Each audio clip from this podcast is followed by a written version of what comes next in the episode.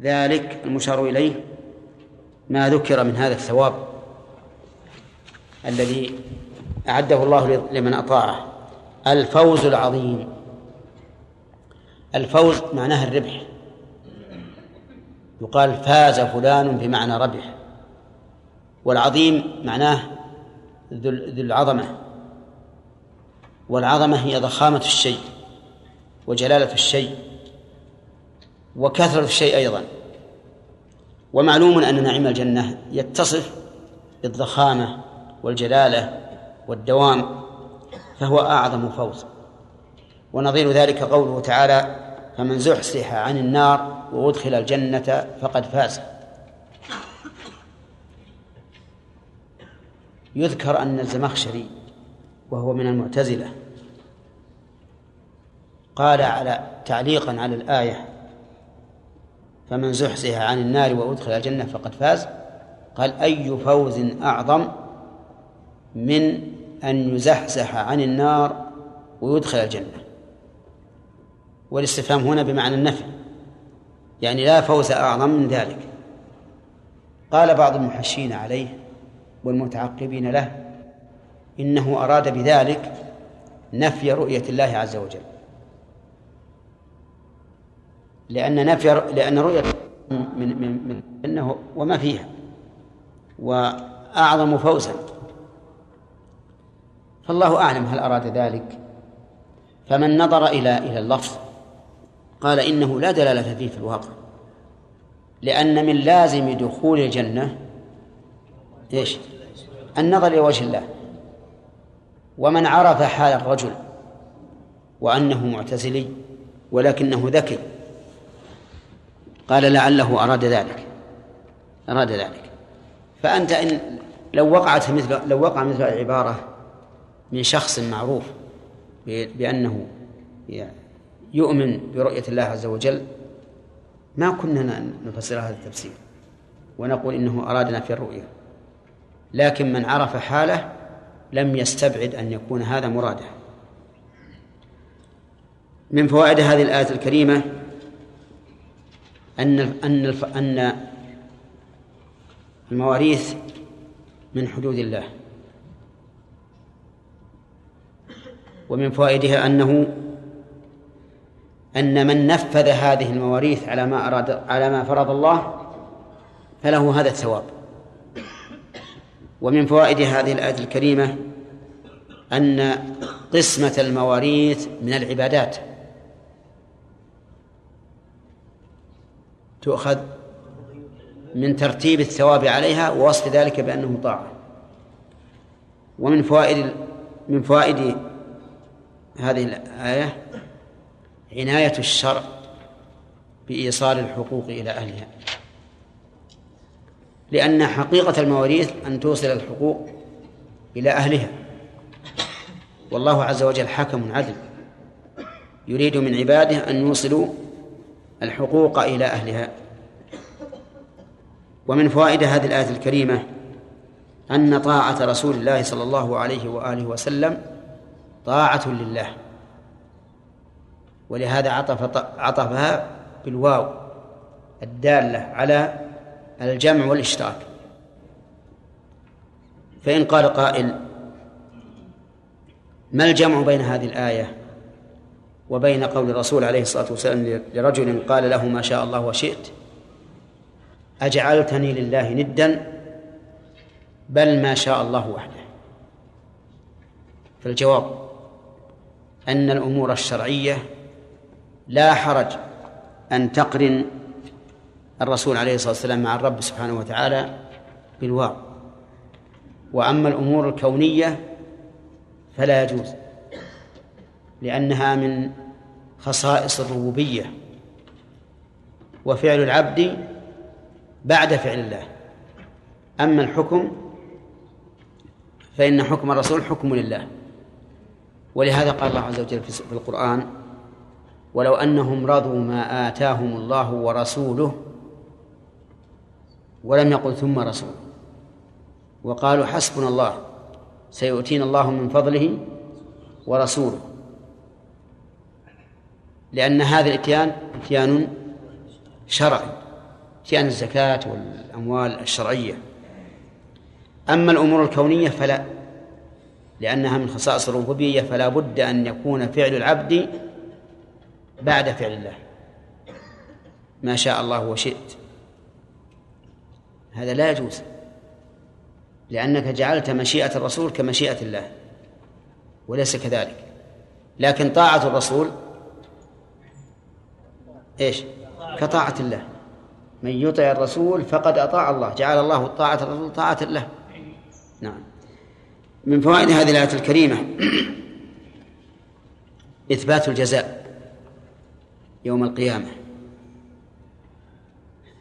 لقوله يدخله جنات. ووجه ذلك أن إدخال الجنات ليس في الدنيا وإنما هو في الآخرة. ومن فوائد هذه الآية الكريمة بيان نعيم هذه الجنات وأن الأنهار تجري من تحتها وأنواع هذه الأنهار معروفة من فئات أخرى ومن فوائدها دوام نعيم هذه الجنات لقوله خالدين فيها وهل الخلود هنا مؤبد أو مؤقت؟ مؤبد. ذكر الله سبحانه وتعالى ذلك في عدة آيات من القرآن وأجمع عليه المسلمون على أن نعيم الجنة مؤبد ولم يذكر في ذلك خلاف. وقوله نعم ومن فوائدها أن هذا النعيم هو الربح. العظيم الذي لا يماثله شيء. لقوله وذلك الفوز العظيم.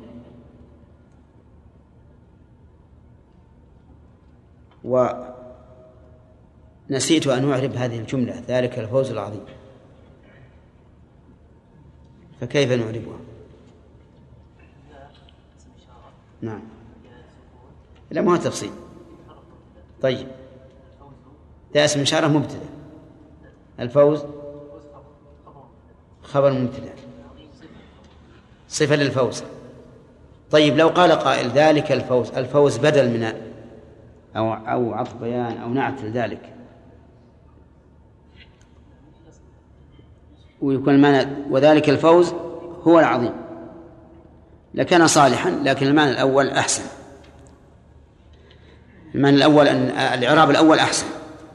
ثم قال الله تعالى ومن يعص الله ورسوله ويتعدى حدوده يدخله نارا خالدا فيها وله عذاب مهين. المعصية مخالفة الأمر أو الوقوع في النهي.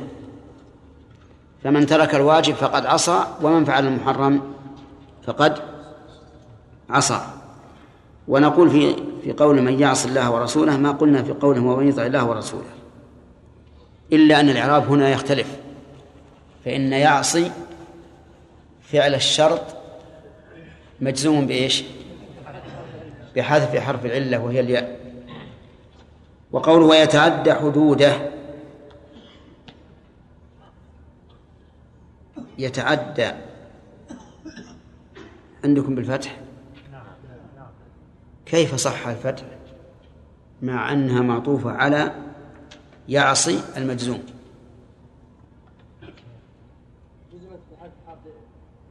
لأنها معطوفة جزمت لأنها معطوفة وصارت فتحة ذلك على الألف محذوف يعني مجزومة بحذف الألف. وأصلها يتعدى نعم. وقول يتعدى حدوده أي يتجاوزها. والمراد بالحدود هنا الأوامر أو النواهي. نعم.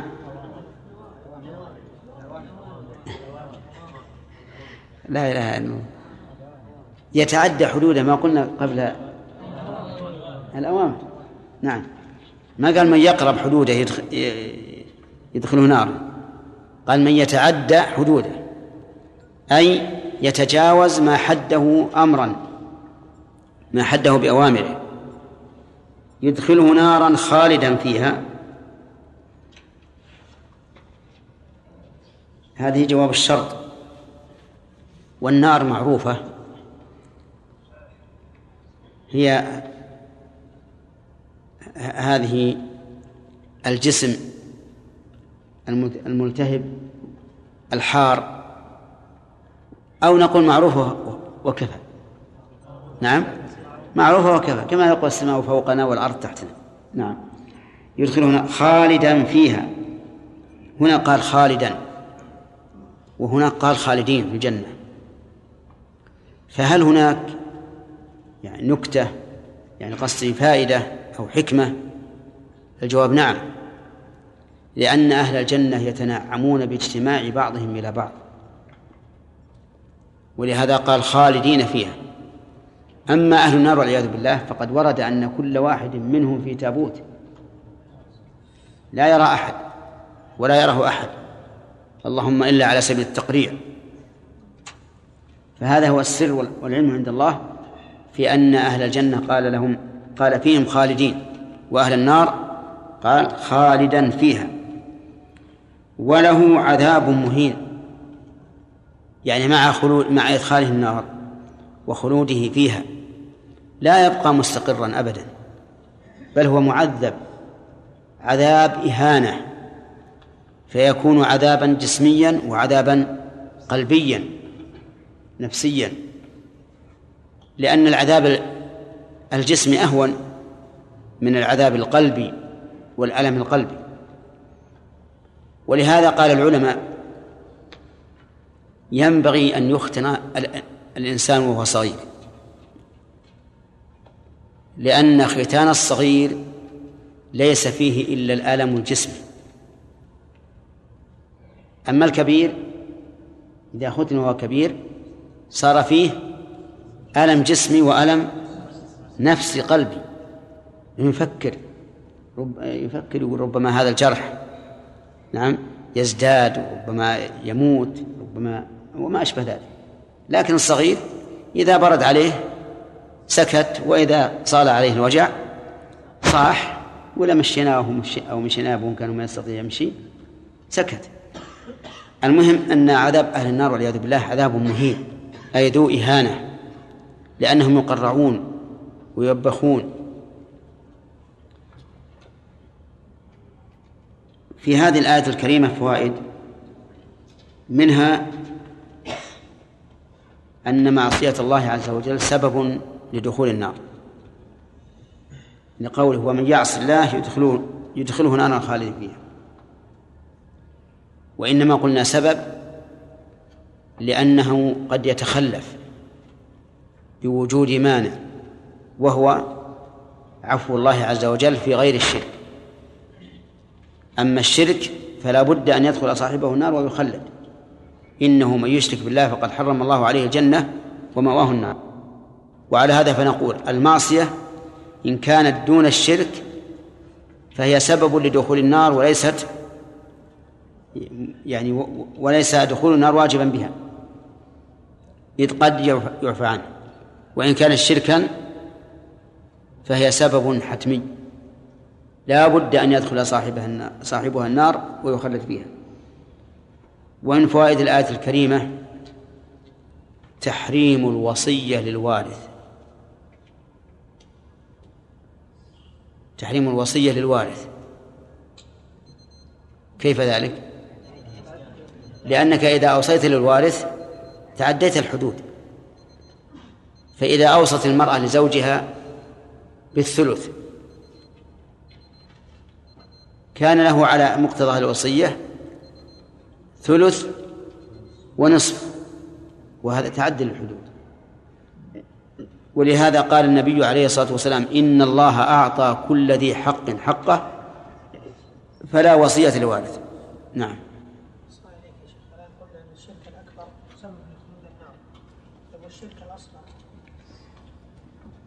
ما ليس سبب للخلود. هذا ينبني على أن على قوله تعالى إن الله لا يغفر أن يشرك به. هل هذا الشرك عام أو مطلق؟ إن قلنا أنه عام صار الشرك الأصل الشرك ولو كان أصلا لا يغفر. وهذا اختيار شيخ الإسلام ابن تيمية رحمه الله. نعم. كيف؟ كيف الإنسان يمكن حصره يمكن من من الأدلة من الأدلة كل ما أطلق عليه الشارع اسم شرك وهو لا يخرج من الملة فهو شرك فهو شرك أصغر. نعم. أحوال الجنة غيبية. ما هو الدليل على أن أنهارا غير إيه. ورد فيه حديث بهذا. ورد فيها أحاديث إيش؟ فعل المنهي يعتبر ترك واجب نعم. شيخ ما يدل عليه الله تلك الله في الاوامر قالوا من يطع الله ورسوله لا الحدود تكون في الأوامر وتكون في النواهي؟ تلك حدود الله هذه في الأوامر. وفعل الأوامر وفعل الأوامر طاعة. لكن ربما يدل عليها قوله ومن يعص الله ورسوله ويتعدى حدوده. هذه الآية نعم تدل على هذا. صحيح هو ترك الواجب وقوع في النهي. وفعل النهي وفعل النهي ترك للواجب لأنه لأنه يجب عليك الكف.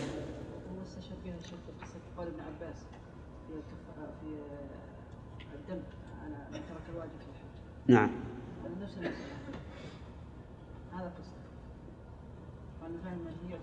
ابن عباس يقول من ترك شيئا من نسكه أو نسه فليهرق دما. نعم. إيه. يمكن. أقول يمكن. يمكن. يمكن نعم. يوصي بها أو الوصية هذه مطلقة أو في السنة لا وصية لا تؤخذ من الآية ومن يتعدى حدود الله. لأن اللي يوصي للوارث أعطاه أكثر مما فرض الله له. فهو تعدي لحدود الله. نعم.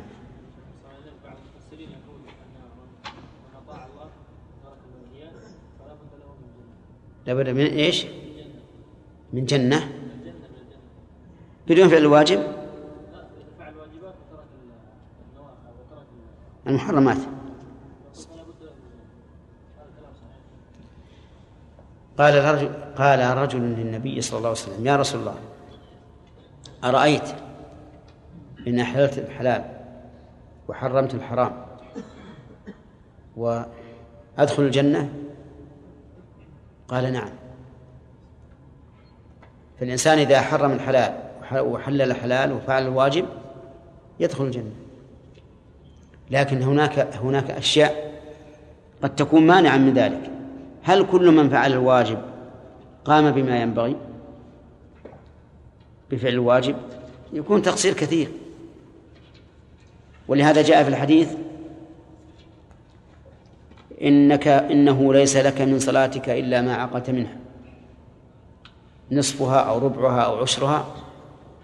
وهذا يدل على أن الإنسان قد يصلي وتكون صلاته مجزئة مسقطة للواجب لكنه لا يحصل على الثواب.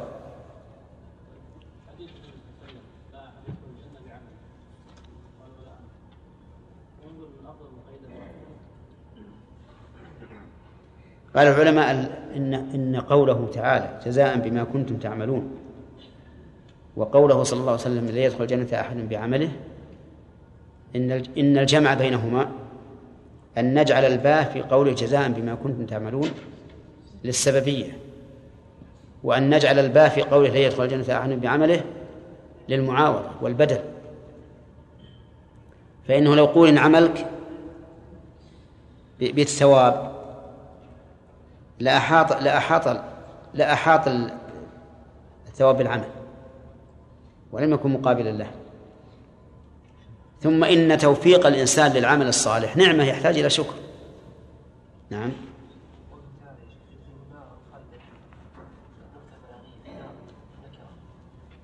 نعم. إيه. وهناك جنات. نكرة أيضا. ها؟ أن الشرك الأصغر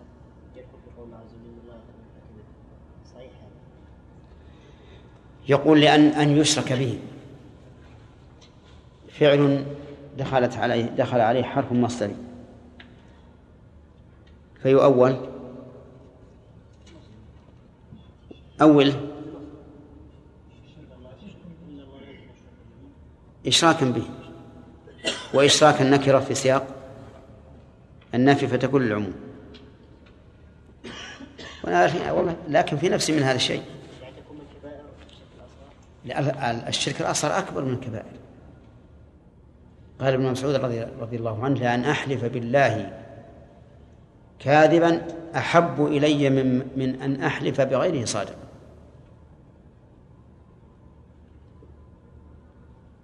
نعم شيخ طيب انت قلت في تفسير خالده انه ان كنا ورد في الحديث ان كنا من أهل النار في تابوت معذب نعم كيف نجمع بين هذا وبين قول الله عز وجل ونادى أهل النار أهل الجنة ان افيضوا علينا من النار.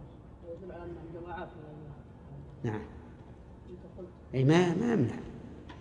الصوت ونحن استثنينا أيضا بعد. قلنا إلا أن شاء الله أو كلمة النحو. ثم- ثم نعم. نعم.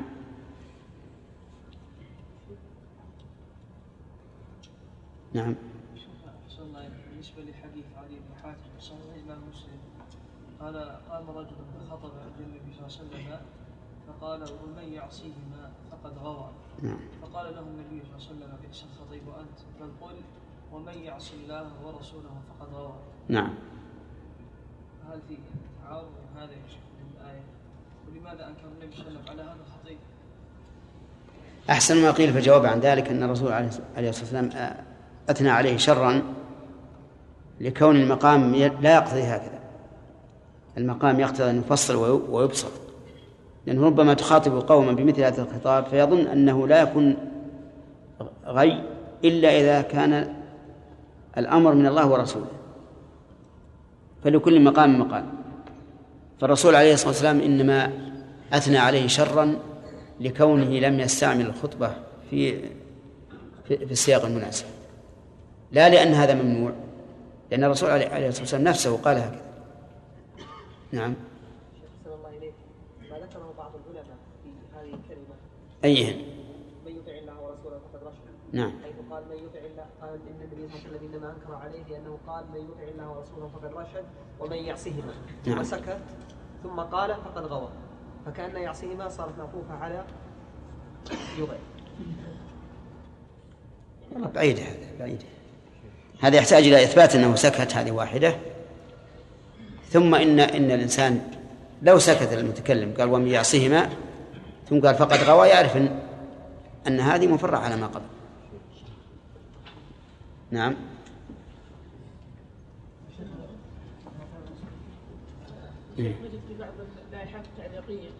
مكتوب عليها لا الله محمد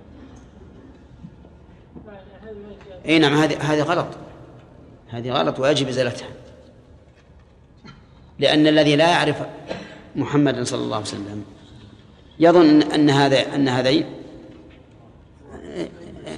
في في مستوى واحد. نعم.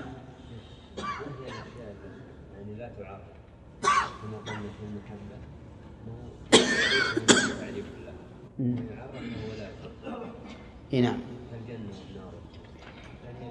لا لا الجنة والنار ما هي مثل المحبة. الجنة والنار شيء منفصل. والخوف. الخوف ما يمكن ما يمكن تعريفه. الله.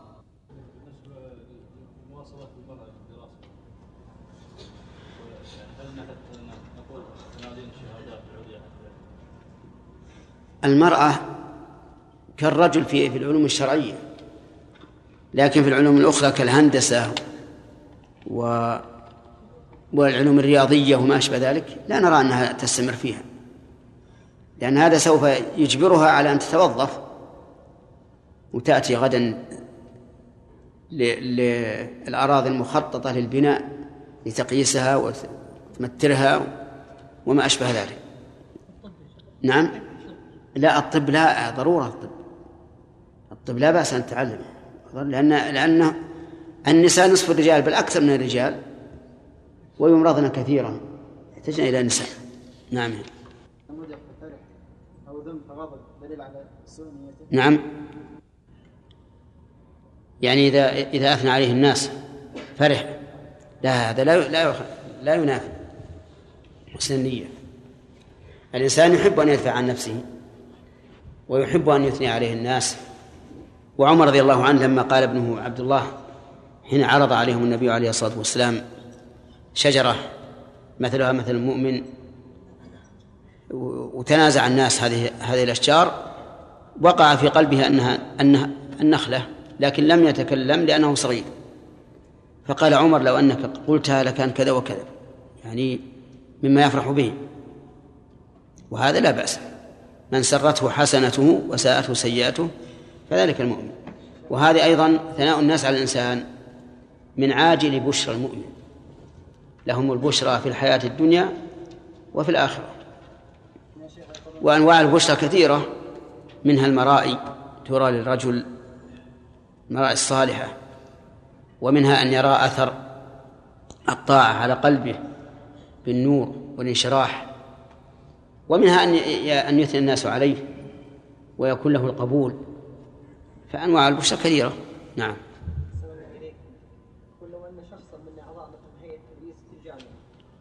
يقول لو أن الجامعة لم تجبرني على البحث والرسالة ما بحثتها لعلمي بأن الفائدة فيها قليلة. هل هذا يدل على سلامة النية؟ إي نعم لأنه هو يريد الوصول إلى هذه الشهادة التي تؤهله للمنصب الذي يريد أن ينفع الناس به. وكثير من كثير من علوم ال- الجامعة ما ما ما يريد ما يريدها الإنسان. لكن هو ها؟ حتى لو كان منصب قيادي للامه لم يفكر فيه. وش يفكر فيه؟ يفكر في نشر العلم. طيب نشر طيب. هذه نية خالصة. نعم.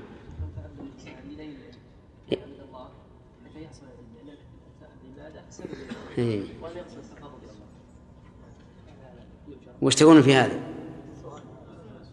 يقول رجل تعبد لله من أجل أن ينال العلم لأن الله قال والذين اهتدوا زادهم هدى. كذا؟ نقول نعم هذه نية طيبة.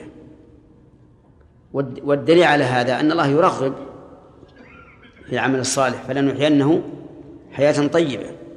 وأنه وضع الحدود العقوبات الشرعية لفاعل المنكر. كما أن الزاني مثلا لو ترك الزنا خوفا من الله لكن كونه يخ- يخشى الحد أيضا يؤثر على على تركه أو في تركه فلا بأس. كيف؟ طيب العلم, العلم نفسه عبادة. العلم نفسه عبادة فلي واللاتي يأتين اللاتي بالياء.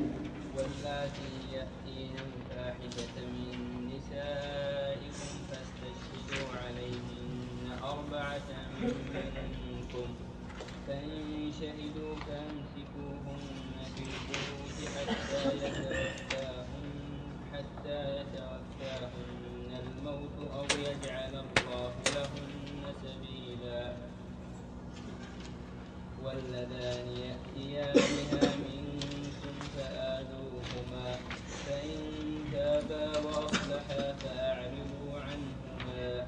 إن الله كان توابا رحيما.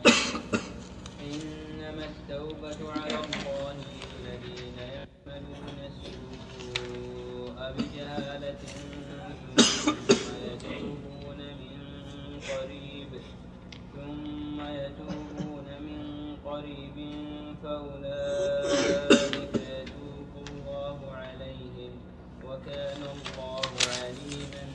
بس. أعوذ بالله من الشيطان الرجيم. قال الله تعالى واللاتي يأتين الفاحشة من نسائكم فاستشهدوا عليهن أربعة منكم. اللاتي جمع التي نعم. إيش؟ الفوائد ما أخذناها؟ ما أخذناها؟ نعم. قال الله تعالى ومن يعص الله ورسوله ويتعدى حدوده يدخله نارا خالدا فيها وله عذاب مهين. من فوائد هذه الآية الكريمة تقسيم المخالف إلى عاص ومتعدل الحدود عاص ومتعدل الحدود فالمعصية هنا فعل محرم. وتعدي الحدود ترك الواجب ترك الواجب أو الغلو فيه. ومن فوائد هذه الآية الكريمة أن معصية رسول الله مع- معصية لله كما أو كمعصية الله. لأنه قرنها بمعصية الله بحرف يقتضي التسوية. ومن فوائد هذه الآية الكريمة أن من جمع بين الأمرين المعصية وتعدي الحدود فإنه يدخل النار. ولكن هل هو دخول أبدي أو دخول مؤقت؟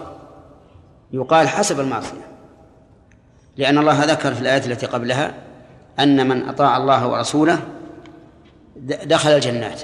وهنا قال من عصى الله ورسوله دخل النار. فيقال الطاعة الغالبة يدخل فيها صاحبها الجنة بدون أن يدخل النار. والمعصية الغالبة يدخل فيها الغالب اللي ما فيها طاعة. يدخل فيها النار كل الجنة. والجامع بين الطاعة والمعصية. نعم هذا يدخل النار والجنة. لأن لأنه وجد فيه سبب دخول الجنة والنار. فيعطى الحكم جزاء وفاقا. وعلى هذا فالعاصي معصية مطلقة والمتعدي للحدود تعديا مطلقا هذا يدخل النار ولا يدخل الجنة. والذي جمع بين المعصية والطاعة إن غلبت الطاعة لم يدخل النار وإن غلبت المعصية دخل النار بقدر ذنبه وخرج منها. ومن فوائد هذه الآية الكريمة إثبات الخلود في النار لقوله خالدا فيها. وقد ذكر الله سبحانه وتعالى أن الخلود في النار مؤبد في آيات ثلاث من القرآن. في سورة النساء وفي سورة الأحزاب وفي سورة الجن. ففي سورة النساء قال الله تعالى إن, الذين كفروا وظلموا لم يكن الله ليغفر لهم يهديهم طريقا إلا طريق جهنم خالدين فيها أبدا. وكان ذلك على الله يسيرا وفي سورة الأحزاب قال الله تبارك وتعالى افتح له إن الله لعن الكافرين وأعد لهم سعيرا. خالدين فيها أبدا لا يجدون وليا ولا نصيرا. وفي سورة الجن قال ومن يعص الله ورسوله فإن له نار جهنم. خالدين خالدين فيها أبدا. وإذا كان الله تعالى ذكر التأبيد في آي في آيات ثلاث فإن كو فإن أي قول يخالف ذلك فهو ساقط. لأن من لزوم الخلود لزوم المكان. إذا قيل هذا خالد في النار أبدا لزم أن يكون المكان الذي يخلد فيه إيش؟ مؤبد مؤبد وإلا فلا معنى للتأبيد. فالقول لبعض العلماء أنهم خالدون فيها أبدا ما دامت باقية قول ساقط لا وجه له من النظر. لأن الله صرح بالتأبيد تأبيد الخلود. ويلزم من تأبيد الخلود في المكان أبدية المكان وإلا لم يكن فائدة. ومن فوائد هذه الآية الكريمة أن الذين في النار والعياذ بالله يعذبون عذابا مهينا أي ذا إهانة ليسوا مكرمين. فإن قال قائل كيف تجمع بين هذه الآية وبين قوله تعالى ذق إنك أنت العزيز الكريم؟ ثم صبوا فوق رأسه من عذاب الحميم ذق إنك أنت العزيز الكريم. فالجواب من أحد وجهين إما أن يكون ذلك على سبيل التهكم به وإما أن يكون هذا ليذكر حاله ليذكر حاله في الدنيا. يعني أنت العزيز الكريم في الدنيا حتى يزداد حسرة وهو أنه كان في الدنيا عزيزا كريما والآن ذليلا مهينا. وكلا الأمرين والعياذ بالله كلا الأمرين يحصلان لهذا الذي يوجه له هذا الخطاب. يصب من فوق رأسه الحميم ثم يقال ذق فأنت العزيز الكريم. لا شك أنه سوف يرى أنه يقال له ذلك على سبيل التهكم ثم يذكر أيضا حاله في الدنيا وأنه في الدنيا عزيز مكرم والآن وصل إلى هذا الحد من الإهانة. ثم قال الله تعالى واللاتي يأتين الفاحشة من نسائكم فاستشهدوا عليهن أربعة منكم. اللاتي مبتدأ وخبره جملة فاستشهدوا. وهنا يطلب لماذا اقترنت الفاء في خبر المبتدأ؟ والجواب عن ذلك والجواب على ذلك أنه لما كان المبتدأ اسما موصولا كان مشبها لاسم الشرط في العموم فأعطي حكمه واقترنت الفاء بخبره ومنه قوله النحويين في المثال المشهور الذي يأتيني فله درهم. فإنه نائب مناب قولك من يأتيني فله درهم. فاسم الموصول لما أشبه الشرط في العموم صار دخول الفاء في خبره كدخول الفاء في جواب الشرط. وقولها اللاتي يأتين الفاحشة اللاتي جمع. جمع إيش؟ جمع التي لكنه على غير قياس لأن هذه الأفعال غير مش... هذه الأسماء غير مشتقة. وقوله يأتين الفاحشة الفاحشة الفاحشة ما يستفحش ما يستفحش شرعا وعرفا شرعا وعرفا. والذي يستفحش شرعا يستفحش عرفا في أعراف المسلمين لا في أعراف غير المسلمين. وإنما قيدنا ذلك لأن الزنا فاحش شرعا وفاحش عرفا في عرف من؟ لكن بعرف الكفار ليس بفاحش. ومن هنا نعرف أن قول الرسول عليه الصلاة والسلام الإثم ما حاك في نفسك وكرهت أن يطلع عليه الناس. أن هذا خاص بمن؟ بالمسلم الذي يكره الإثم ويخشى أن يطلع عليه الناس في حال إثمه. وإلا فإن الكافر لا يحوك في نفسه الإثم. طيب قول الفاحشة ما المراد؟ قول ما المراد بالفاحشة هنا؟ يعني المعنى الفاحشة ما يستفحش معناها ما يستفحش شرعا وعرفا والمراد بها الزنا. المراد بها الزنا. ودليل ذلك قوله تعالى ولا تقربوا الزنا إنه كان فاحشة. وعلى هذا فتكون ال للعهد. نعم للعهد الذهني لأنه لم يذكر لكنه معروف شرعا. وإنما قررنا ذلك لرد قول من يقول كأبي مسلم خراساني. قال إن المراد بها السحاق. السحاق بين النساء. ولكن هذا بعيد من الصواب. ولم يصل إليه أحد من الصحابة والتابعين فيما نعلم. والصواب أن المراد بها الفاحشة. إيش؟ الزنا والدليل ولا تقربوا الزنا إنه كان فاحشة. وقوله من نسائكم. المراد بها الجنس. يعني جنس النساء سواء كانت من زوجاتنا أو من غير الزوجات. وقوله من نسائكم من هذه بيان للموصول في قوله اللاتي يأتين الفاحشة. فاستشهدوا إن أربعة منكم. استشهدوا أي اطلبوا شهادة أربعة.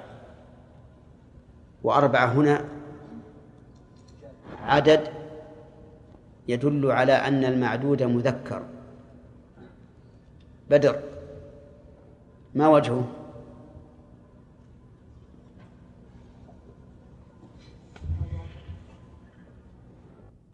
لا نمش... نشوف بدر لعله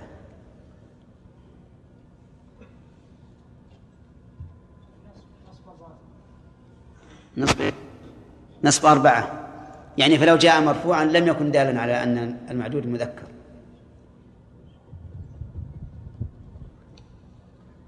عبد الرحمن.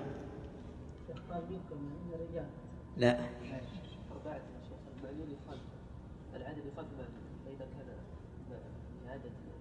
لأن العدد المؤنث يكون معدوده مذكرا فيما دون عشرة.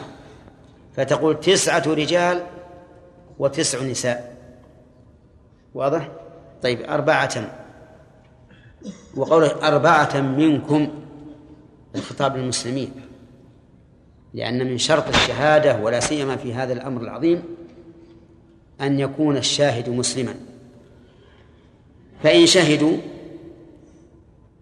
يعني شهدوا على فعل الفاحشة فأمسكوهن في البيوت حتى يتوفاهن الموت أو يجعل الله لهن سبيلا. أمسكوهن في البيوت. الخطاب هنا أمسكوهن. عام.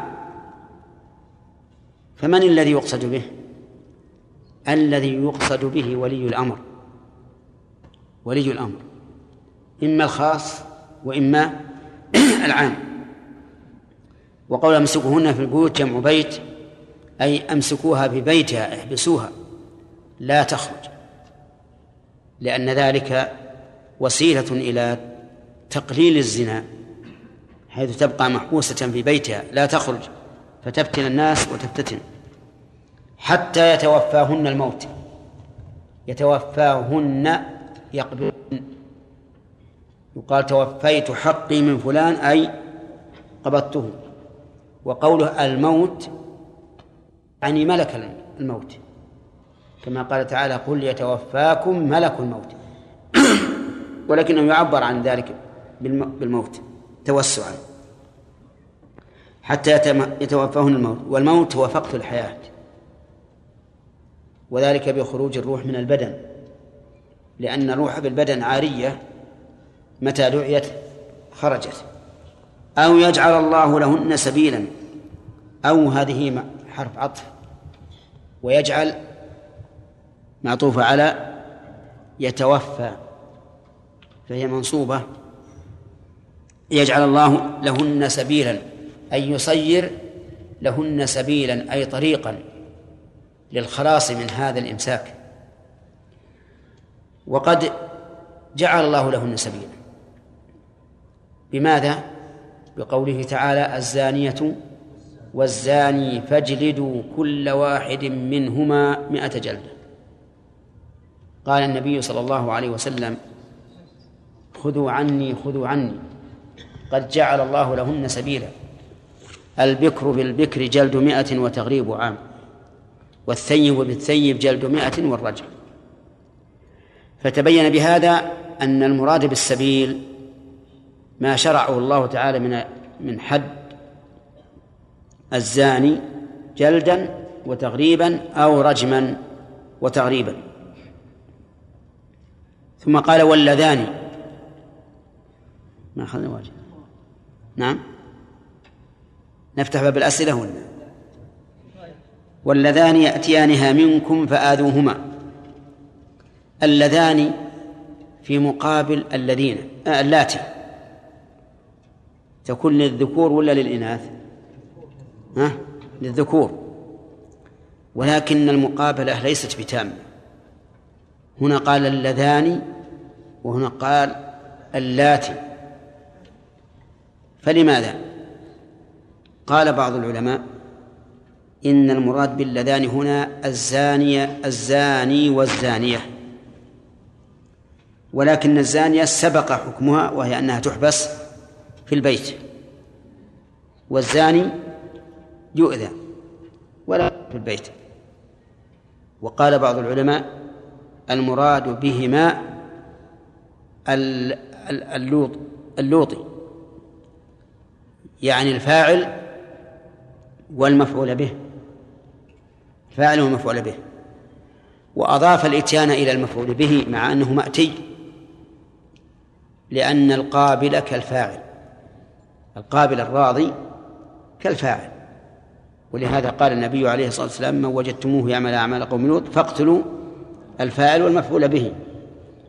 والصحيح هذا الصحيح أن اللذان يراد بهما يراد بهما اللائطان. الرجل يلوط بالرجل والعياذ بالله ولكن يبقى نظر آخر.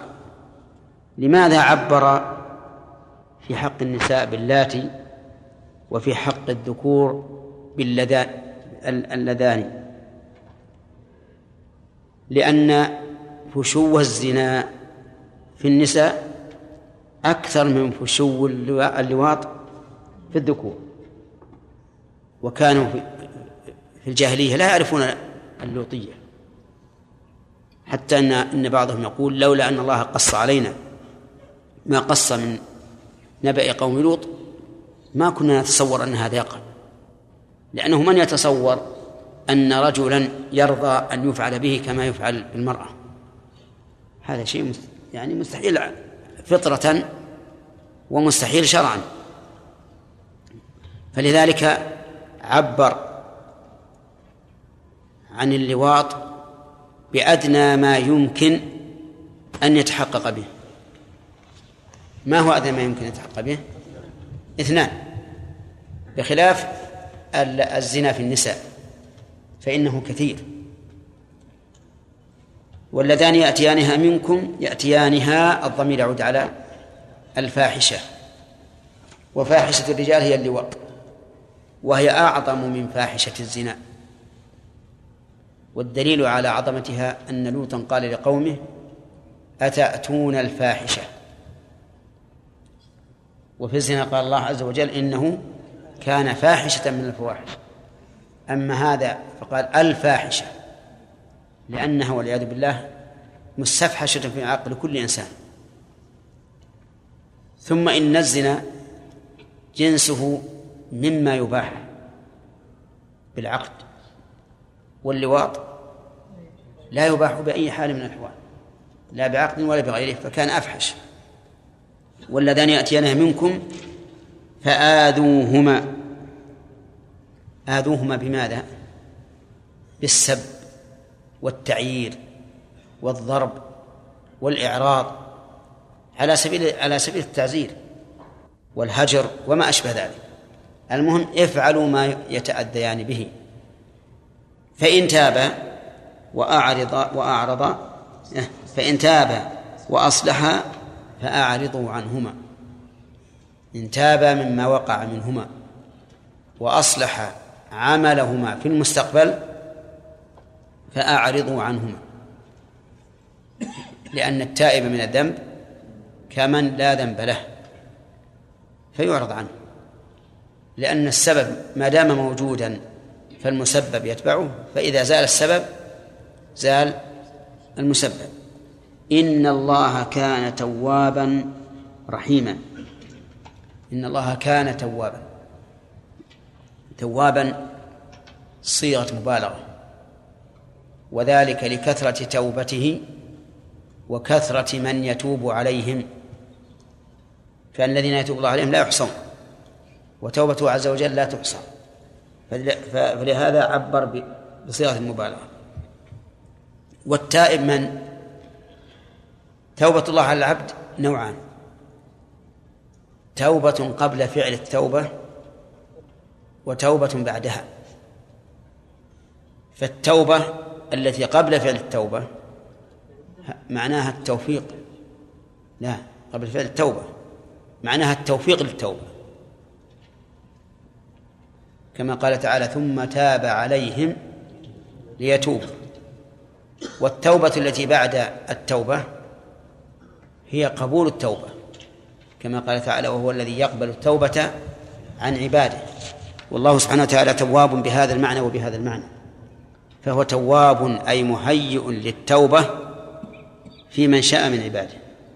وتواب أي قابل للتوبة. ورحيما أي ذو رحمة يوصلها إلى من شاء من عباده. كما قال تعالى يعذب من يشاء ويرحم من يشاء وإليه تقلبون. وفي هذه الآية شيء من الإشكال وهو قوله كان توابا رحيما.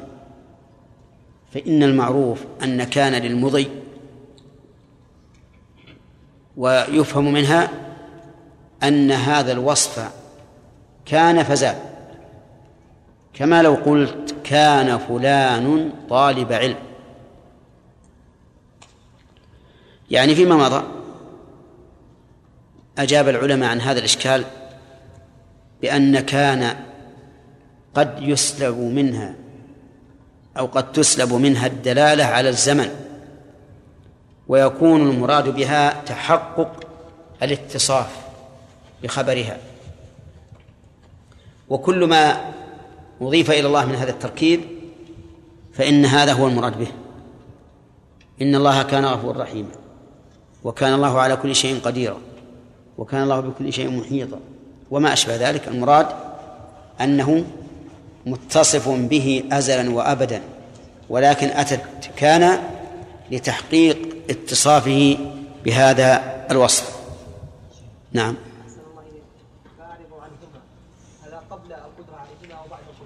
لا بعد القدرة. نعم. لكن هذا هذا الحكم سيأتي الكلام عليه إن شاء الله. نعم.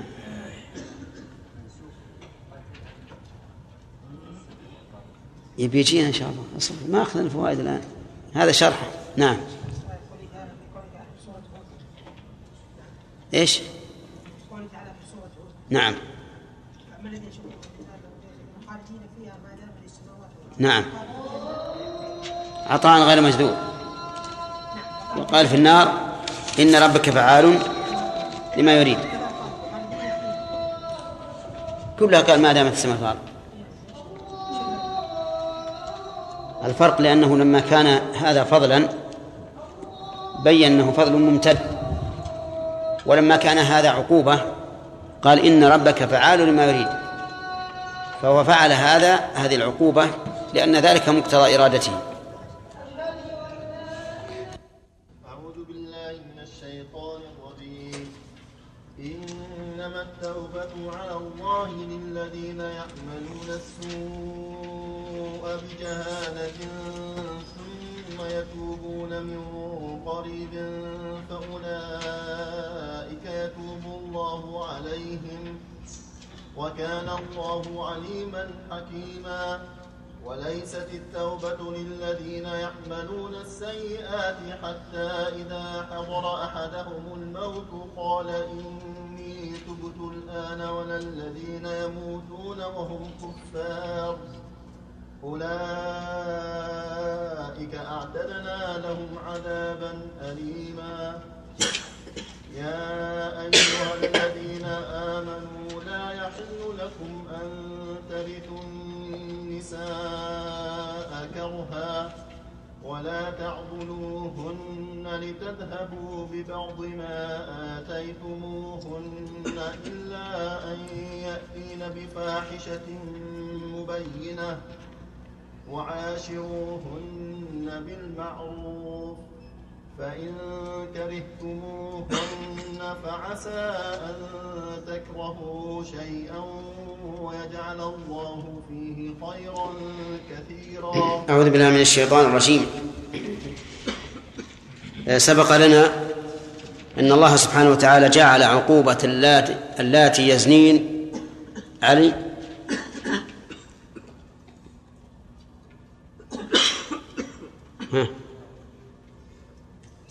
عبد الله لا الإشهاد لإثبات ال- نعم. لهم تمام. ما هي السبيل التي جعلها الله لهن؟ في حديث عبادة بن الصامت نعم. نعم. خذوا عني خذوا عني قد جعل الله لهن سبيلا جلد سنة وتغريب عام جلد سنة؟ جلد 100 وتغريب عام نعم. الطيب جلد 100 والرجل أحسنت. هل يعتبر هذا من النسخ؟ الأخ. إي نعم. لماذا؟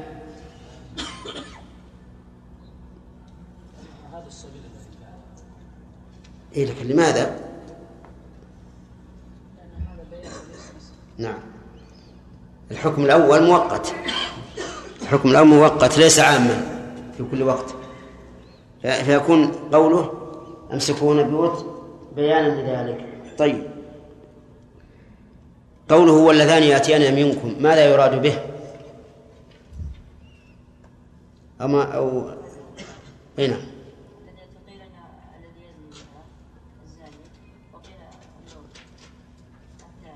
قيل أنه الرجل يأتي الرجل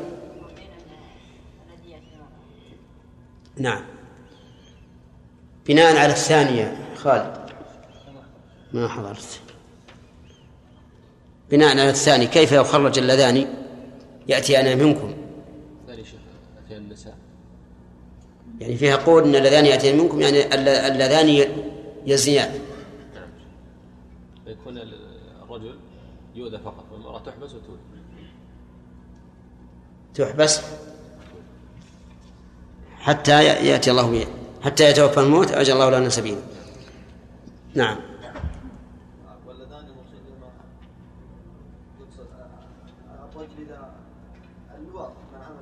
الرجل إذا أتى الرجل هذا وجه.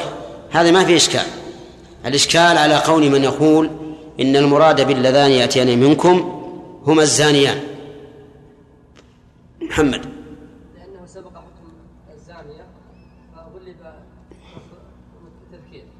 طيب لماذا عبر بالجمع في النساء وفي وبالتثنية في الرجال؟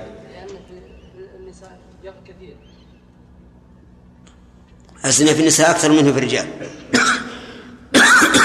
فإن البغايا في الجاهلية كثيرات منتشرات طيب. على القول بأن المراد اللذان يأتين منكم الرجل يأتي الرجل. كيف يصح يا سلامة أن يكون المأتي آتيا؟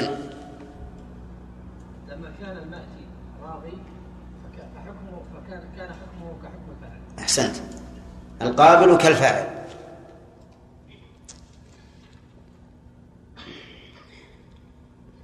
طيب أخذنا الفوائد أظن. ما أخذناها كلها؟ كل الأتين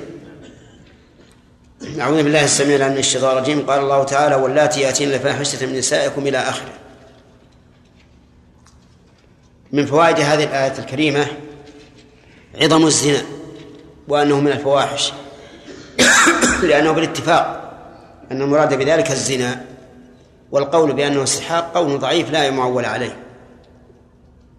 ومن فوائد هذه الآية الكريمة أنه لا بد في الزنا من شهادة أربعة رجال عدول. لقوله فاستشهدوا عليهن أربعة. وقوله منكم الخطاب للمؤمنين والصحابة كلهم عدول. أو نقول إن إنه منكم خطاب للصحابة كلهم وتحمل يحمل هذا الإطلاق على العدالة كما قال تعالى وأشهدوا ذوي عدل منكم. ومن فوائد هذه الآية الكريمة الإشارة إلى أن الرجل أقوى في الشهادة من المرأة. وأثبت وذلك لأن الله تعالى لم يعتبر في الزنا إلا شهادة الرجال. ومنها أن الحد يدرأ بالشبهة. أن الحد يدرأ بالشبهة. وذلك لأن اشتراط أربعة رجال من أجل إثبات الشهادة. وشهادة النساء الأربع فيها شبهة بأن بأنهن لم يضبطن. كما قال تعالى أن تضل إحداهما فتذكر إحداهما الأخرى. ولا شك أن الحدود تدرى بالشبهات ولكن يبقى عندنا مناط مناط الحكم بمعنى ما هي الشبهة التي يدرى بها الحد. فمن العلماء من تشدد من توسع فيها من توسع فيها. حتى قال إنه لو استأجر امرأة للزنا فزنى بها فلا حد عليه. لأن استئجاره إياها شبهة كما لو استأجر بيتا يسكن به. ومن العلماء من توسط ومنهم من شدد. والغالب أن الأقوال إذا اختلفت على ثلاثة أن الوسط هو الصحيح. هذا هو الغالب. ومن فوائد هذه الآية الكريمة أنه لا بد من تصريح الشهداء بالشهادة في باب الزنا. لقوله فإن شهدوا ولهذا يجب أن يقول الشهود رأينا ذكره في فرجها قد أدخله فيه كما يدخل الميل في المكحلة. فلا يكفي أن يقول أن يقول الشهود رأينا رجلا على امرأة وهما عراة ورأينا ذكره بين فخذيها. ما يكفي هذا. لا بد من التصريح بالجماع. كما قال الرسول عليه الصلاة والسلام لماعز قال أنكتها لا تكن أو لا تكن أو قال لا يكن. ولهذا قال شيخ الإسلام رحمه الله في زمنه إنه لم يثبت حد الزنا بالشهادة إلى يومنا هذا. لم يثبت بالشهادة. لماذا؟ لأنها صعبة. صعبة. طيب فإن قال قائل هل يمكن أن نثبته بالتقاط الصورة؟ قلنا كنا نقول بذلك لكن لما تبين لنا دبلجة. دبلجة المصورين قلنا لا نثبت أتعرفون الدبلجة؟ يعني يجمعون يلفقون صورة ويجعلون رجلا على امرأة قد جامعها وهو وليس الأمر كذلك ومشكلة الدبلجة هذه نسأل الله يكفينا شرها. بدأوا يدبلجون الكلام الآن. كما قيل لي يأخذون مثلا من كلامي حرف حرفا في كلمة من الكلمات وحرفا من كلمة أخرى وركبون بعضهم على بعض وينشئون خطبة بصوتي على ما يريدونه. عرفتم؟ يجمعون حروف ثم يصوغونها كلمات على ما يريدون. والصوت صوتي ونبرات الكلام نبرات كلامي. فمشكلة حقيقة. أي إنسان يريد أن يتقول على شخص الآن يمكنه لكن نرجو الله أن الله يجيب فيروس لهذه الآلات كما يهددون الآن بفيروس الكمبيوتر. حتى نسلم من شرها ويسلم الناس من شرها. طيب. من فوائد هذه الآية الكريمة أن حبس المرأة في بيتها من من أسباب درء الفتنة. لقوله فأمسكوهن. لأن هذا نوع من العقوبة من وجه وكف لأسباب الفتنة من وجه آخر. ومن فوائد الآية الكريمة الإشارة إلى أن البيت خير للمرأة. لقوله فأمسكوهن في البيوت. وكما قال النبي عليه الصلاة والسلام بيوتهن خير لهن.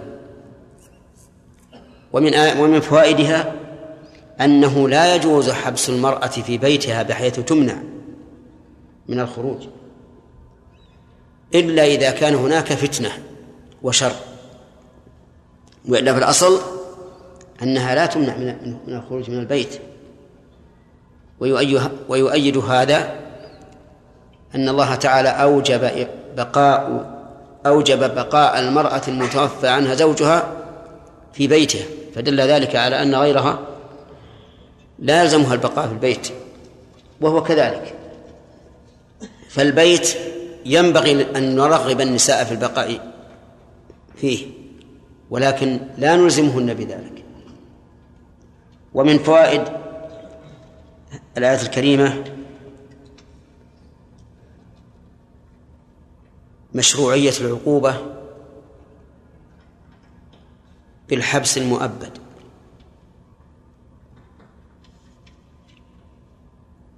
توافقون على هذا؟ أو أن للعقوبة بالحبس المؤبد أصل. نعم. الثاني هو هو الأقرب. أن للعقوبة بالحبس المؤبد أصلا في الشرع. أما أن نجعل ذلك مشروعا وهو قد نسخ ففي النفس منه شيء. ومن فوائد هذه الآية الكريمة إثبات الجعل لله عز وجل. لقوله أو يجعل الله لهن سبيلا. والجعل نوعان جعل شرعي وجعل كوني قدري. فمن أمثلة الجعل الشرعي قوله تعالى جعل الله الكعبة البيت الحرام قياما للناس. وقوله ما جعل الله من بحيرة ولا سائبة ولا وصيلة ولا حام. ما جعل أي جعلا شرعيا. أما قدريا فإنه قد جعل ذلك البحيرة والسائبة والوصيلة والحام موجودة. ومثال الجعل الكوني أو أمثلة الجعل الكوني كثيرة في القرآن. مثل جعلنا نومكم سباتا وجعلنا الليل لباسا وجعلنا النهار معاشا. والأمثلة كثيرة. ومن فوائد هذه الآية الكريمة إثبات الأفعال الاختيارية لله عز وجل. يعني إثبات صفة الفعل المتجدد لله. واعلم أن الفعل المضاف إلى الله نوعان. جنس ونوع. جنس ونوع وفرد. ثلاثة أنواع.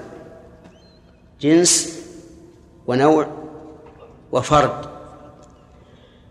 أما الجنس فهو صفة أزلية أبدية أي أن الله لم يزل ولا يزال فعالا.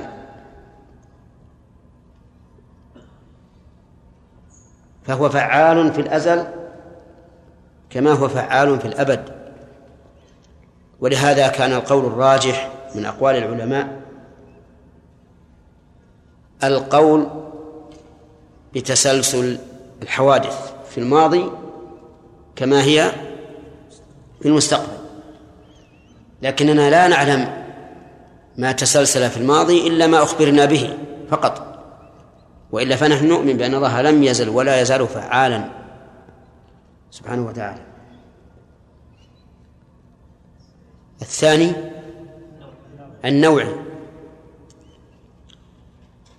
النوعي مثل الاستواء على العرش. وهذا حادث. فإن الله لم يستوي على العرش قبل خلق العرش. أما الآحاد فكثير. كالنزول إلى السماء الدنيا كل ليلة والمجيء للفصل بين العباد والنزول إلى السماء الدنيا عشية عرفة والغضب عند وجود السبب والرضا عند وجود سببه والضحك عند وجود سببه. والعجب عند وجود سببه أشياء كثيرة. وقد أثبت أهل السنة والجماعة ذلك وأنكر هذا الأشاعرة والمعتزلة ومن سلك سبيله. وقالوا لا يمكن أن يوصف الله بصفة حدوثية أبدا. ولهذا يرون القرآن الذي بين أيدينا يرونه قديما. وعللوا هذا الحكم الفاسد فقالوا إن إن قيام الحوادث بالله عز وجل يقتضي أن يكون حادثا. لأن الحوادث لا تقوم إلا بحادث. ولا شك أن هذا هذه علة عليلة بل ميتة. من قال لهم هذا؟ بل كون الحوادث تقوم بالله عز وجل وأنه يفعل ما يريد دليل على كماله وكمال حياته.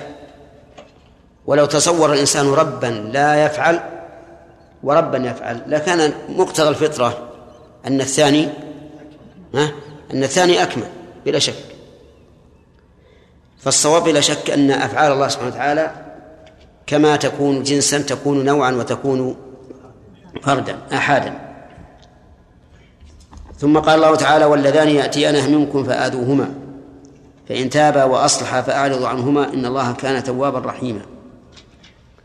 اللذان يأتيان يستفاد من هذه الآية الكريمة أن اللواط له حكمان. الحكم الأول ما دلت عليه الآية والحكم الثاني ما دلت عليه السنة.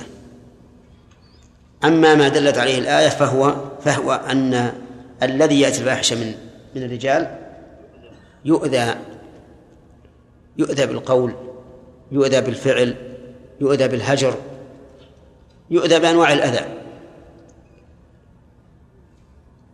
ف وكثير من الناس قد تكون أذيته أشد من ضربه وأشد من حبسه. ومن فوائد هذه الآية الكريمة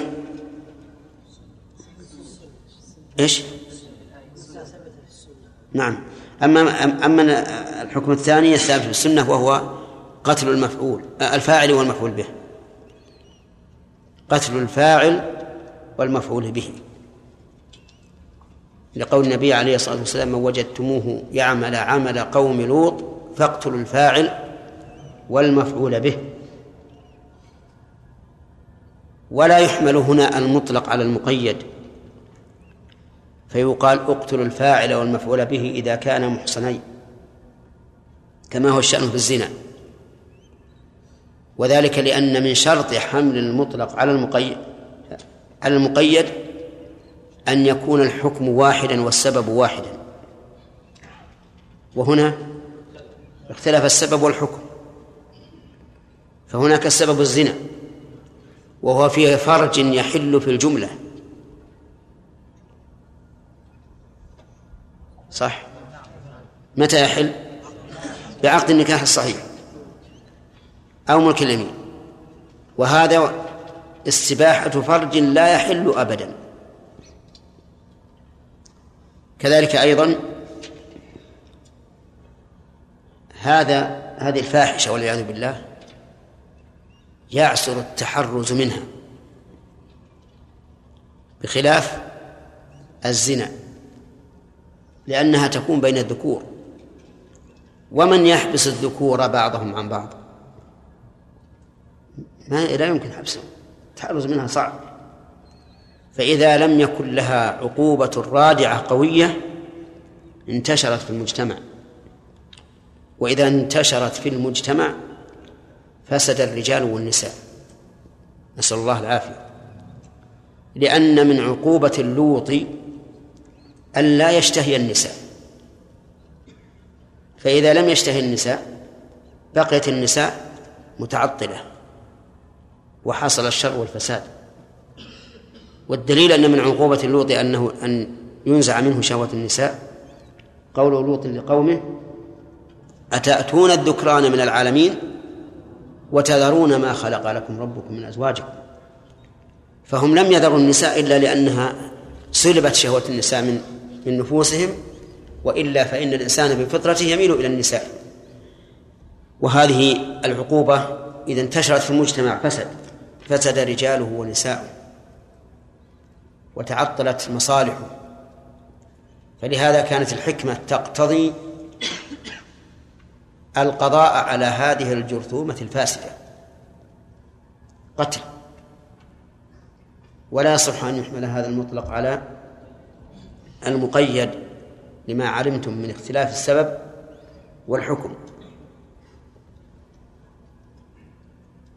وقد ذكر شيخ الإسلام رحمه الله أن الصحابة أجمعوا على قتل الفاعل والمفعول به إلا أنهم اختلفوا في كيفية القتل.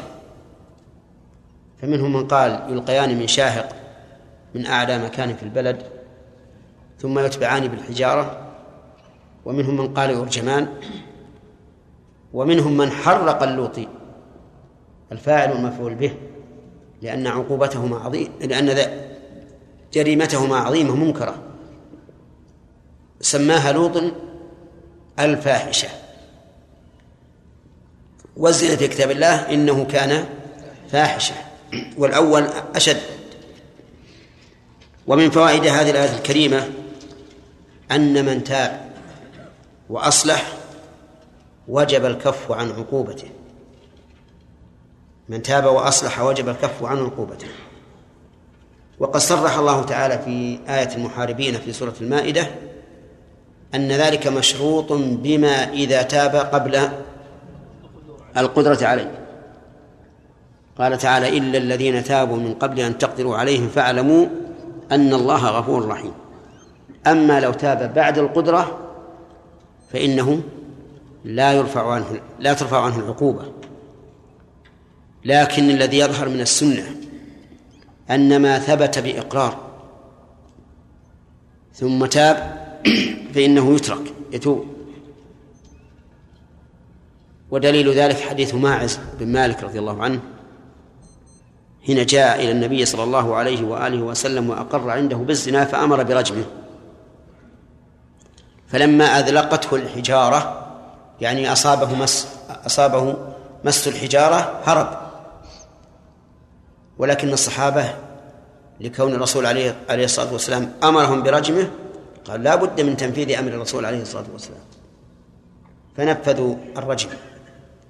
ثم أخبروا النبي صلى الله عليه وآله وسلم بذلك فقال هل لا تركتموه يتوب؟ فيتوب الله عليه. فدل ذلك على أن المقر بالذنب إذا رجع إذا تاب مو إذا رجع إذا تاب ولو في أثناء الحد فإنه يترك. يتوب الله عليه. طيب ومن فوائد هذه الآية الكريمة أن التوبة من الذنب لا بد أن يقرنها أن يقارنها إصلاح. لا بد أن يقارنها إصلاح. لقول فإن تاب وأصلح. ولكن كيف تكون توبة التوبة في مثل هذا؟ قيل إن التوبة في مثل هذا أن يراود فيمتنع. أن يراود فيمتنع. عرفتم؟ يعني مثلا يقال لهذا المفعول به. يعني نريد أن نفعل بك. فإذا امتنع دل ذلك على توبته. ويقال للفاعل هذا يريد أن تفعل به فإذا أبى فهذا توبته. وكذلك يقال في الزانية في الزانية. لكن هذا القول قول منكر بعيد عن الصواب. لأن المراودة لا تكون إلا في حال سر أليس كذلك؟ ما هو الواحد جاي يراود شخص أمام الناس؟ ستكون في حال السر. ثم إن المراود إن كان المراود أهلا للفعل يعني يتوقع منه أن يفعل فإنه قد يستجيب وحينئذ تقع الفاحشة وإن كان المراود ليس أهلا لأن يفعل فسينتبه المراود أن هذا يريد أن يختبره فيمتنع. وبهذا نعرف أن هذا القول لا أساس له من الصحة. ولكن التوبة كغيرها من الذنوب التوبة من هذا كغيره من الذنوب. إذا عرفنا أن الرجل عزف عن هذا الشيء وصار لا يذهب إلى المجالس. التي فيها هذه الفاحشة. وما أشبه ذلك. عرفنا أنه تاب. ولهذا قرن التوبة هنا بالإصلاح. فلا بد من شيء يدل على أنه تاب. وهو إصلاح العمل والبعد عن هذه الفاحشة. ومن فوائد هذه الآية الكريمة إثبات أن الحكم يدور مع سببه. وجودا وعدما. وجهه أنه قال إن تاب وأعرض وأصلح فأعرض عنه. إن تاب وأصلح فأعرض عنه.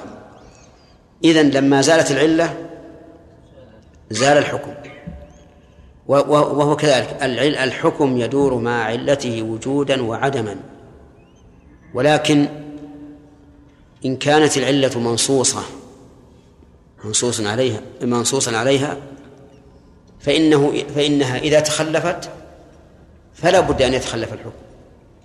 وإن كانت مستنبطة فلا ينبغي أن يتخلف بتخلفها. لأنه من الجائز أن لا تكون العلة شرعا هي هذه العلة المستنبطة فنلغي حكما من أحكام الله ثابتا بمجرد الاحتمال. أما لو نص عليها فإن فالحكم يدور مع معها. مثل قوله صلى الله عليه وآله وسلم إذا كنتم ثلاثة فلا تناجثان دون الثالث من أجل أن ذلك يحزنه. فإن هذا يدل على أنه لو كان لا يحسن بهذا بهذا التناجي. نعم جاز جاز ذلك. ومن فوائد الآية الكريمة إثبات اسمين من أسماء الله وهما التواب والرحيم. وقد سبق لنا معنى التواب ولماذا جاء بصيغة المبالغة ومعنى الرحيم.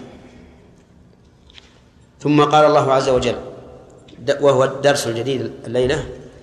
إنما التوبة على الله للذين يعملون السوء بجهالة ثم يتوبون من قريب فأولئك يتوب الله عليهم وكان الله عليما حكيما. إنما التوبة هذه مبتدأ مسبوق بأداة الحصر وهي إنما. وخبر المبتدأ قوله على الله. أو قوله للذين يعملون السوء بجهالة. تمل هذا أو هذا؟ وقول إنما التوبة على الله للذين يعملون السوء. السوء يعني العمل السيء كالمنكرات فعل المحظورات أو ترك الواجبات. ولكنه قيدها بقوله بجهالة. بجهالة. والمراد بالجهالة هنا السفاهة وليست الجهل لأن فاعل السوء بجهل معذور لا ذنب عليه. لقول الله تعالى ربنا لا تؤاخذنا إن نسينا أو أخطأنا ولكن المراد بالجهالة هنا السفاهة ومنه قول الشاعر الأول ألا لا يجهلا أحد علينا فنجهل فوق جهل الجاهلين. ثم يتوبون من قريب. يعني ثم إذا فعلوا إذا عملوا السوء بجهالة تابوا إلى الله من قريب. والقريب هنا ما كان قبل الموت. فإذا تابوا قبل الموت تاب الله عليهم ولكن سيأتينا في الفوائد أنه يجب تجب التوبة فورا. ثم يتوبون من قريب. يتوبون بمعنى يرجعون إلى الله. وذلك بترك ما قاموا به من السوء أو فعل ما تركوه من من الواجب. فأولئك يتوب الله عليهم. هذه الجملة باعتبار ما قبلها تأكيد. لأن هذا الحكم مفهوم من قوله إنما التوبة على الله. ولكنه أكد ما التزم به عز وجل على نفسه بقوله فأولئك يتوب الله عليهم وأشار إليهم بأولئك مع أنهم مع أنهم باعتبار الحديث عنهم في محل القرب. والقريب يشرع إليه بإيش؟ نعم بهؤلاء. لكن هنا قال أولئك. أشار إليهم بإشارة البعيد إشارة إلى علو منزلتهم بالتوبة. يتوب الله عليهم وكان الله عليما حكيما. رحمك الله. أي ذا علم وحك وحكمة. فالعلم إدراك الشيء على ما هو عليه. إدراك الشيء على ما هو عليه. وهذا التعريف يخرج الجهلين جميعا الجهل البسيط والجهل المركب. لأن الجهل البسيط ليس فيه إدراك مطلقا والجهل المركب فيه إدراك الشيء على غير ما هو عليه. فالعلم إدراك الشيء على ما هو عليه. نعم؟ أي مع- معروف لأن الذي ما جزم ما أدركه. طيب وبالنسبة لعلم الله عز وجل علم كامل شامل. كامل أي أنه لم يسبق بجهل ولم يلحق بنسيان. قال موسى عليه الصلاة والسلام لفرعون حين قال ما بال القرون الأولى؟ قال علمها عند ربي في كتاب لا يضل ربي ولا ينسى لا يضل لا يجهل ولا ينسى ما علم وهو كذلك شامل. قال الله تعالى لتعلموا أن الله على كل شيء قدير وأن الله قد أحاط بكل شيء علما. وقد بين الله تعالى علمه في كتابه أحيانا بالإجمال والعموم وأحيانا بالتفصيل. ففي قوله تعالى وعنده مفاتح الغيب لا يعلمها إلا هو ويعلم ما في البر والبحر وما تسقط من ورقة إلا يعلمها ولا حبة في ظلمات الأرض ولا رطب ولا يابس إلا في كتاب مبين. هذا تفصيل. وقوله إن الله عنده علم الساعة وينزل الغيث ويعلم ما في الأرحام وما تدري نفس ماذا تكسب غدا وما تدري نفس بأي أرض تموت والله يعلم ذلك. أيضا فيه شيء من التفصيل. وأما الإجمال فكثير في القرآن. والعلم أشمل من القدرة وأوسع لأنه يتعلق بكل شيء حتى في الممتنع بخلاف القدرة. فإنها شاملة لكل شيء لكن ما كان مستحيلا فليس بشيء في النسبة في القدرة. أما العلم فيشمل حتى المستحيل. ألم تروا إلى قول الله تعالى لو كان فيهما آلهة إلا الله لفسدتا وقوله ما اتخذ الله من ولد وما كان معه من إله إذن لذهب كل إله بما خلق ولا على بعضهم على بعض. فإن تعدد الآلهة ممتنع مستحيل. ومع ذلك أخبر الله أنه لو كان لكانت نتيجته كذا وكذا. وقول حكيما مشتق من الحكم والحكمة. من الحكم والحكمة. فهو حاكم ومحكم. حاكم إذا جعلناه مشتق من الحكم. ومحكم إذا جعلناه مشتقا من الحكمة. وأظن جاء وقت الأسئلة. نعم. إيش؟ نعم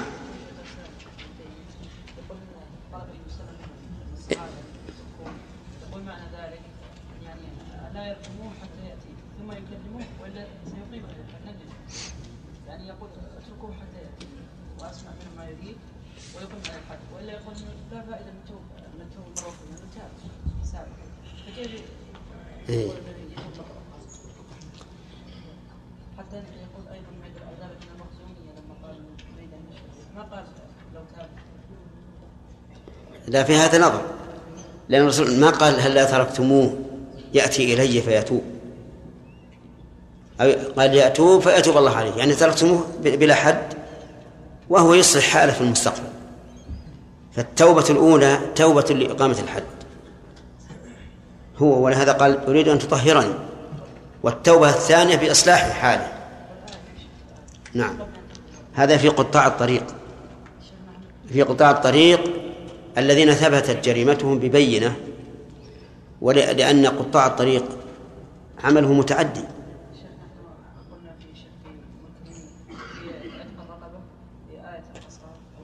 نعم. نعم. صحيح. لا ما دام دل الدليل على على الاستثناء نأخذ به. ولا هذا هو الأصل. نعم أحسن الله إليك الذي عليه الآن أكثر العلماء أن الثيب نسخ حكم الجلد لها وبقي حكم الرجل صحيح. وقد جاء في صحيح البخاري أن علي رضي الله عنه رجم شراح المدانية يوم الخميس جلد يوم الخميس ورجمه يوم الجمعة. فلما سئل قال جلدتها بكتاب الله ورجمتها بسنة رسوله وعلي له سنة متبعين هل نفعل مثل ما فعل علي؟ علي له سنة متبعة ولكنها بعد سنة الرسول عليه الصلاة والسلام. عرفت؟ فلهذا في في كلامه نظر رضي الله عنه.